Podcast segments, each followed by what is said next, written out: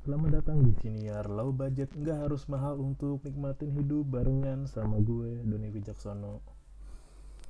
Gue mau bacain sebuah artikel yang gue bacanya sedih sih. Sedih banget gue.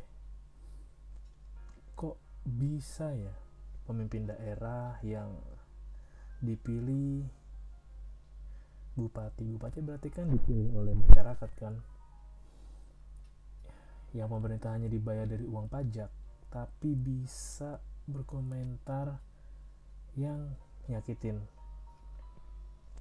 Gue mau bacain artikel dari jogjapolitan.harianjogja.com artikel tanggal 23 Januari 2023 jadi pertama emang gue liat ini di opini ID sih. Jadi materi artikelnya gini. DIY masuk kategori miskin DIY itu daerah istimewa Yogyakarta. Daerah istimewa Yogyakarta masuk kategori miskin. Kata Bupati Halim, tak perlu risau, miskin tapi bahagia. Lu, lu gak sih miskin tapi bahagia? Nanti lu bisa cek sendiri artikelnya di Harian Jogja tanggal 23 Januari 2023 jam 7.47 penulisnya oleh Sunartono. Jadi, Bupati Bantul Abdul Halim Musli mengaku tidak risau jika DIY termasuk Bantul dikatakan sebagai daerah miskin. Karena di sisi lain, Bantul memiliki indeks kebahagiaan tertinggi. Oke kutipannya saat ditemui hari Sabtu. Walaupun miskin-miskin tapi bahagia. Bagi pemerintah, saya sendiri tidak terlalu risau bahwa DIY dikatakan miskin. Mengapa saya tidak risau? Karena jaminan sosial yang kita sediakan untuk masyarakat miskin terus kita siapkan. Nah, Halim mengatakan meski angka kemiskinan tinggi berdasarkan data dari Kementerian Sosial dan penghitungan Badan Pusat Statistik, namun faktanya angka kemiskinan di Bantul sulit ditemukan. Ia mencontohkan angka kemiskinan ekstrim di Bantul ada sekitar 27.510 orang berdasarkan data Kementerian Sosial ada lagi nih gue lengkap Wakil Bupati Bantul Joko Purnomo yang juga sebagai Ketua Satgas Penanganan Kemiskinan Bantul mengatakan dirinya mendapat amanah dari Pak Presiden Joko Widodo dan juga surat tugas nomor 401 tahun 2002 dari Gubernur DIY untuk mengenai angka kemiskinan ekstrim. Targetnya angka kemiskinan ekstrim pada 2024 mendatang menjadi 0 kasus. Saat ini angka kemiskinan 27.730 jiwa, tertinggi kedua setelah Kabupaten Gunung Kidul. Jumlah mis miskin ekstrim tersebut menurun sedikit jika menurun sedikit jika dibandingkan tahun sebelumnya sebanyak 27.730 orang. Nah, itu lo baca artikelnya. Nah, gue sempat penasaran sih. Jadi kan kalau lu mau berkesimpulan utuh, jangan dari informasi yang setengah. Gue coba cari tahu datanya di nah. Lu bisa cari data lengkapnya di yogyakarta.bps.go.id slash backend slash materi underscore ind underscore materi brsind atau lu gampangnya lu bisa cek BPJS Jogja data masyarakat miskin. Jadi yogyakarta.bps.go.id jadi ada statistik ada berapa slide power ada 24 slide powerpoint. Nah DI ya di sini menempatin peringkat nah, penduduk miskin 16 provinsi di atas rata-rata nasional dan 18 provinsi di bawah rata-rata nasional. Nah, tetap jadi rata-rata masyarakat miskin di Indonesia 9,57 persen di Yogyakarta ini ada di peringkat secara keseluruhan kotanya ya, ada 11,49 persen.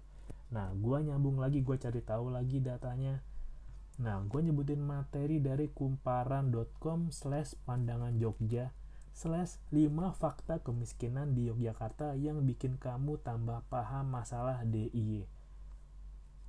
Jadi ini merangkum sedikit artikel yang ada di tadi di BPS Jogja. Nah, oke. Okay. Jadi disebutin bahwa nih dari jumlah total penduduk DIY sebanyak 4,07 juta, maka ada 463.630 penduduk miskin di DIY. Di bawah DIY ada Jateng, Jatim, Jabar, Banten, dan lain-lain. Nah, Oke, dia ada fakta-faktanya lu bisa baca sendiri deh kayak dimulai dari di DIY tak ada lulusan sarjana dan D3 yang masuk kategori miskin, 70% penduduk miskin DIY tinggal di perkotaan, Kabupaten Kulon Progo menempati pertama.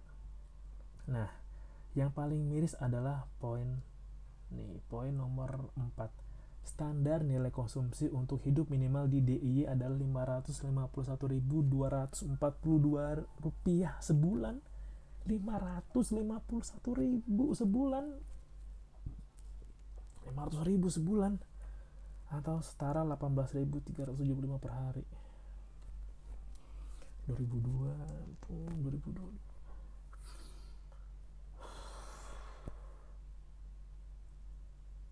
lo tau gak kenapa ini berat dan emosional buat gue karena keluarga gue banyak yang di Jogja. Dan keluarga gue juga. Ada yang masih sekolah juga ada yang dewasa juga. Dan lo tau gak sih bahwa UMR Jawa Tengah itu salah satu yang terendah?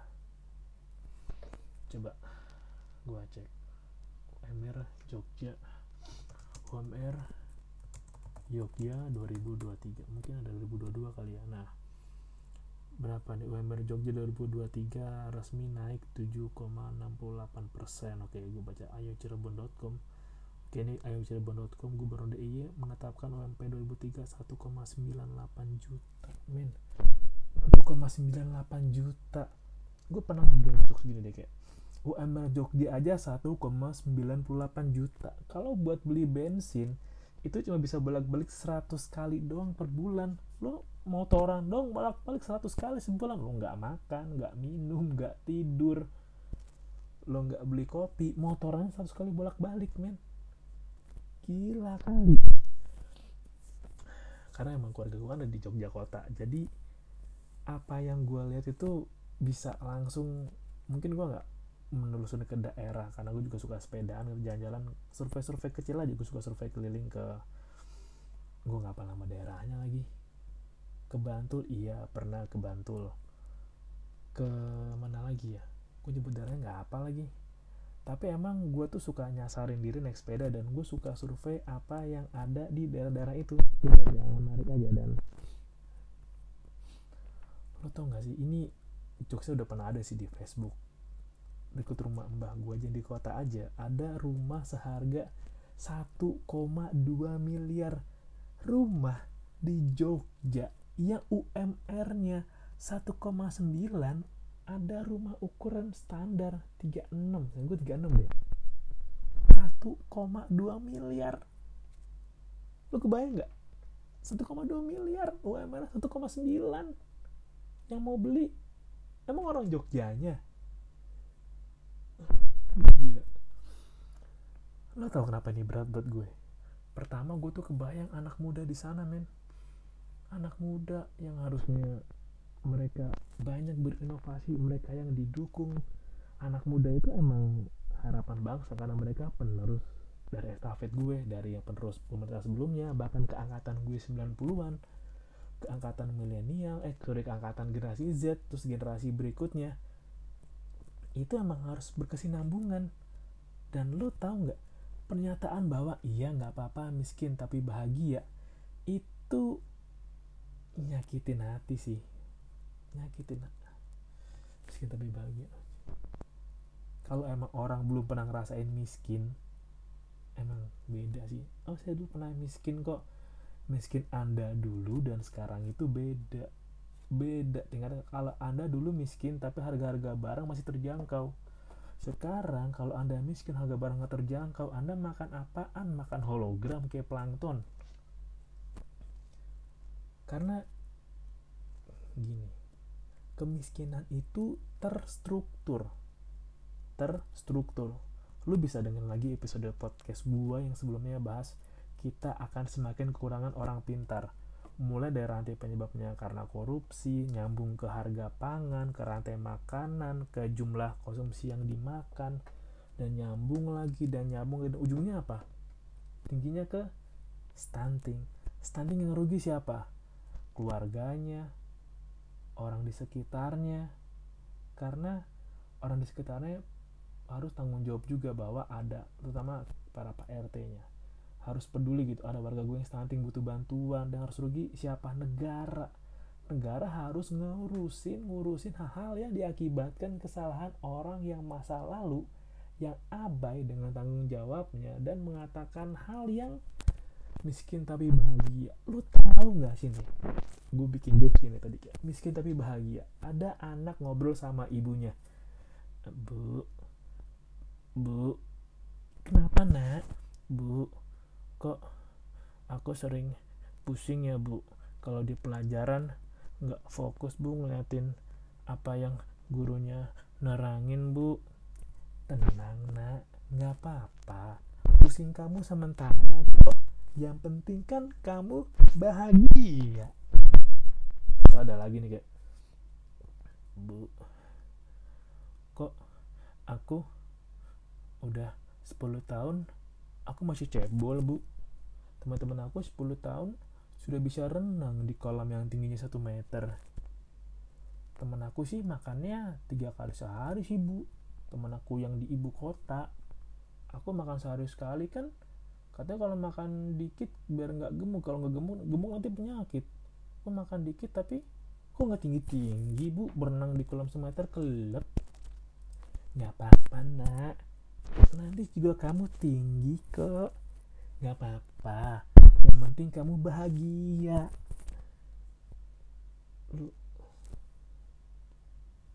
Lu gue jadi inget adegan di One Piece lagi.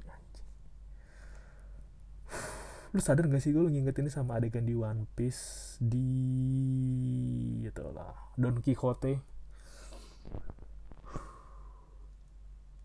Lu tau kenapa bahagia? Karena ah gini uh, miskin tapi bahagia. Kenapa itu menjadi juntrungan atau acuan? Karena indikator atau referensi untuk melihat kepuasan dan pencapaian yang ada itu enggak sebanyak orang-orang yang tinggal di luar daerah itu. Gue ambil contoh.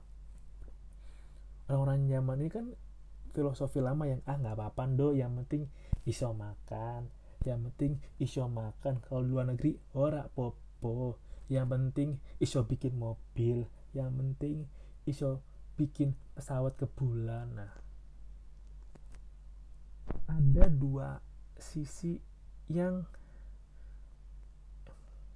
ini dari sudut pandang gue ada dua sisi yang saling kontradiksi antara yang satu enggak tahu atau belum tahu bahwa referensi banyak banget loh. Hikmah nikmat karya manusia yang berasal dari Tuhan yang berkat pemikiran berkat usaha tuh banyak yang hal hebat banget. Sama satu menolak kenyataan yang menyakitkan bahwa ketika mereka kita, gua, lo mau menerima realita yang ada, takut akan merasa sakit melebihi rasa sakit yang sanggup kita terima. Itu lah daripada gua gua tahu nih kejujurannya nih, tapi gua nggak mau sakit banget, kecewa banget. Udahlah, gua menyamankan diri gue dengan sesuatu yang ya menurut gue aman aja lah tapi emang itu adalah itu membenarkan yang biasa. Seharusnya yang membiasakan yang benar. Tau gak sih kenapa gue kesel? Karena kalau lo pinter lo punya pemahaman lo mampu lo diberikan jabatan diberikan kepercayaan Mbok tolong digunakan dengan baik, gunakan ilmunya dengan baik. Jabatan kan sementara duniawi, iya, tapi kalau kamu bisa membantu orang, satu orang dari usaha kamu, dari ilmu kamu, pemahaman kamu, penerapan kamu dari ide kamu ngebantu orang ngasih tahu yang nih benernya begini loh caranya begini yuk pelan-pelan pindah yuk bo itu kan lebih baik daripada kamu menjawab miskin tapi bahagia. Ini kan denial. Lu tahu nggak yang kasihan siapa? Anak-anak mudanya. Kalau anak-anak mudanya enggak diberikan gambaran bahwa dunia luar seperti apa luar negeri seperti apa gambaran cita-cita yang berhasil diwujudkan itu seperti apa rasanya sudut pandang kecil ini akan diteruskan ke penerus berikutnya terjadilah kemiskinan terstruktur. Karena kan sudut pandangnya gini. Anak muda itu kita katakan mereka berhasil melewati stunting dengan nilai rata-rata dengan aman kebutuhan yang cukup meskipun ngepas. Anak-anak remaja ini energinya banyak. Banyak banget. Kalau nggak disalurin nggak diberikan arahan oleh orang-orang dewasa yang tahu seharusnya gimana yang ngebimbing ngayomi gimana pasti mereka tuh ah udah gede nih 15 tahun 18 tahun kerja dulu bentar terus nikah ah kerja dulu bentar terus nikah ah lu boleh nikah tapi lu juga harus tahu bahwa lo itu hidup bukan sekedar tujuan utamanya itu untuk keturunan tapi ada tujuan lain lo di sana. Lo inget prinsip hame mayu hamoning bawono. Gue masih heran kenapa anda memimpin di Jawa tapi nggak menerapkan Mayu Hamuning Bawono. Apa yang udah? Gue cukup sedih sih gue lo tau gak gue tuh khawatir kayak gue mikirin kayak aduh ada adik gue yang di Jogja gimana ya? Kebutuhan cukup apa enggak ya? Karena udah UMR kecil oke okay lah harga makanan murah tapi harga baju harga motor harga laptop gila kali mungkin oh tenang kok ada anak-anak dari luar pulau luar negeri luar provinsi kuliah di Jogja. Iya tapi mereka itu kan mereka menikmati fasilitas yang dibuat oleh orang yang dari luar juga. Poinnya gini anggap aja misalkan lu di kayak gue di Bekasi Oke, Bekasi tuh banyak anak-anak kampus datang set kok buat kuliah di Bekasi sekolah we. Terus hmm, anak di Bekasi, hmm, katanya kota pendidikan. Oke, Bekasi aku kuliah tapi aku menikmati waktu kuliah aku mau nongkrong di mana ya? Warga asli kan dengan UMR sekian untuk bisa bangun kafe estetik, bangun mie gacoan, bangun stick 21 atau bikin stick holy cow, bikin holy wings kan nggak hampir sangat tidak mungkin kalau anak-anak akam sih bisa bikin itu kalau tidak punya latar belakang keluarga yang kaya dong. Ya tentu butuh investor orang asing orang-orang yang sekolah dari luar datang ini tuh menikmati fasilitas di Bekasi ini dari hasil yang dibangun oleh orang dari luar juga. Mereka mana ini keluar juga. Warga asli yang menikmatin yang nikmatin ya yang iso kerja iso. Eh tapi gajinya kecil deh ya udah ngapain? Ya kebanyakan ya diem. Ya biasa aja. Akhirnya apa? Mereka juga Gen Z man. Mereka juga mereka yang dibilang tech savvy.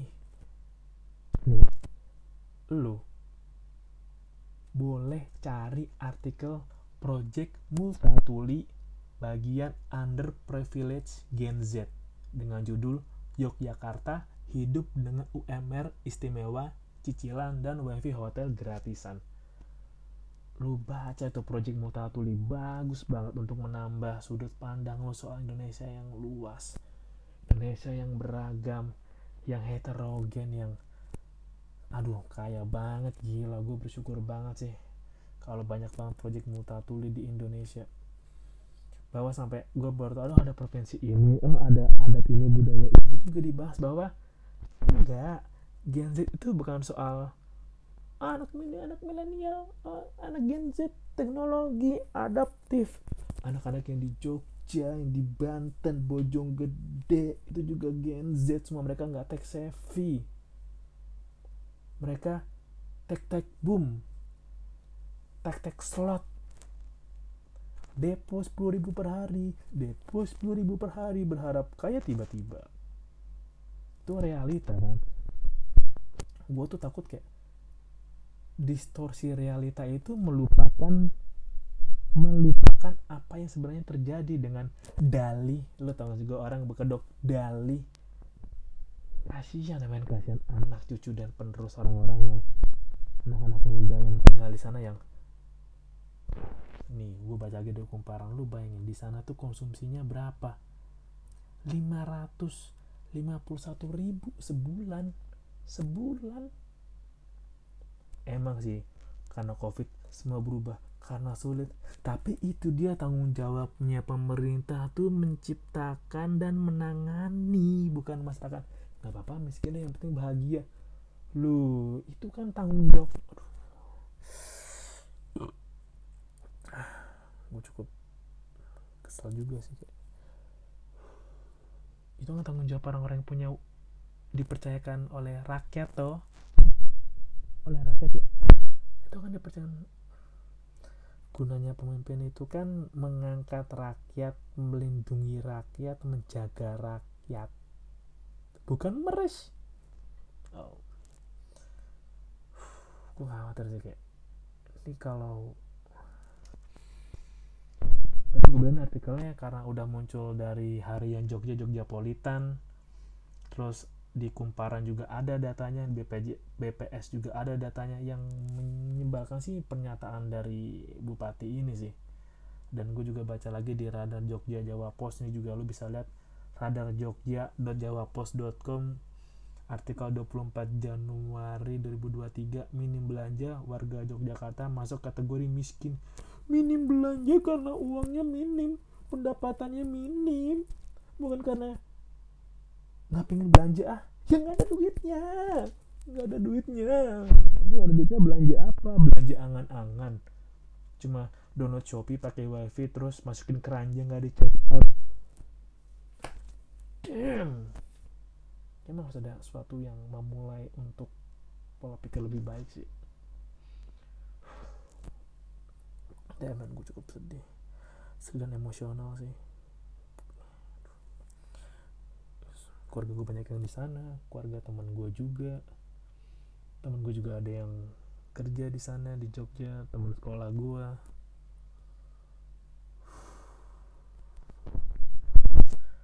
gue nggak tahu ya.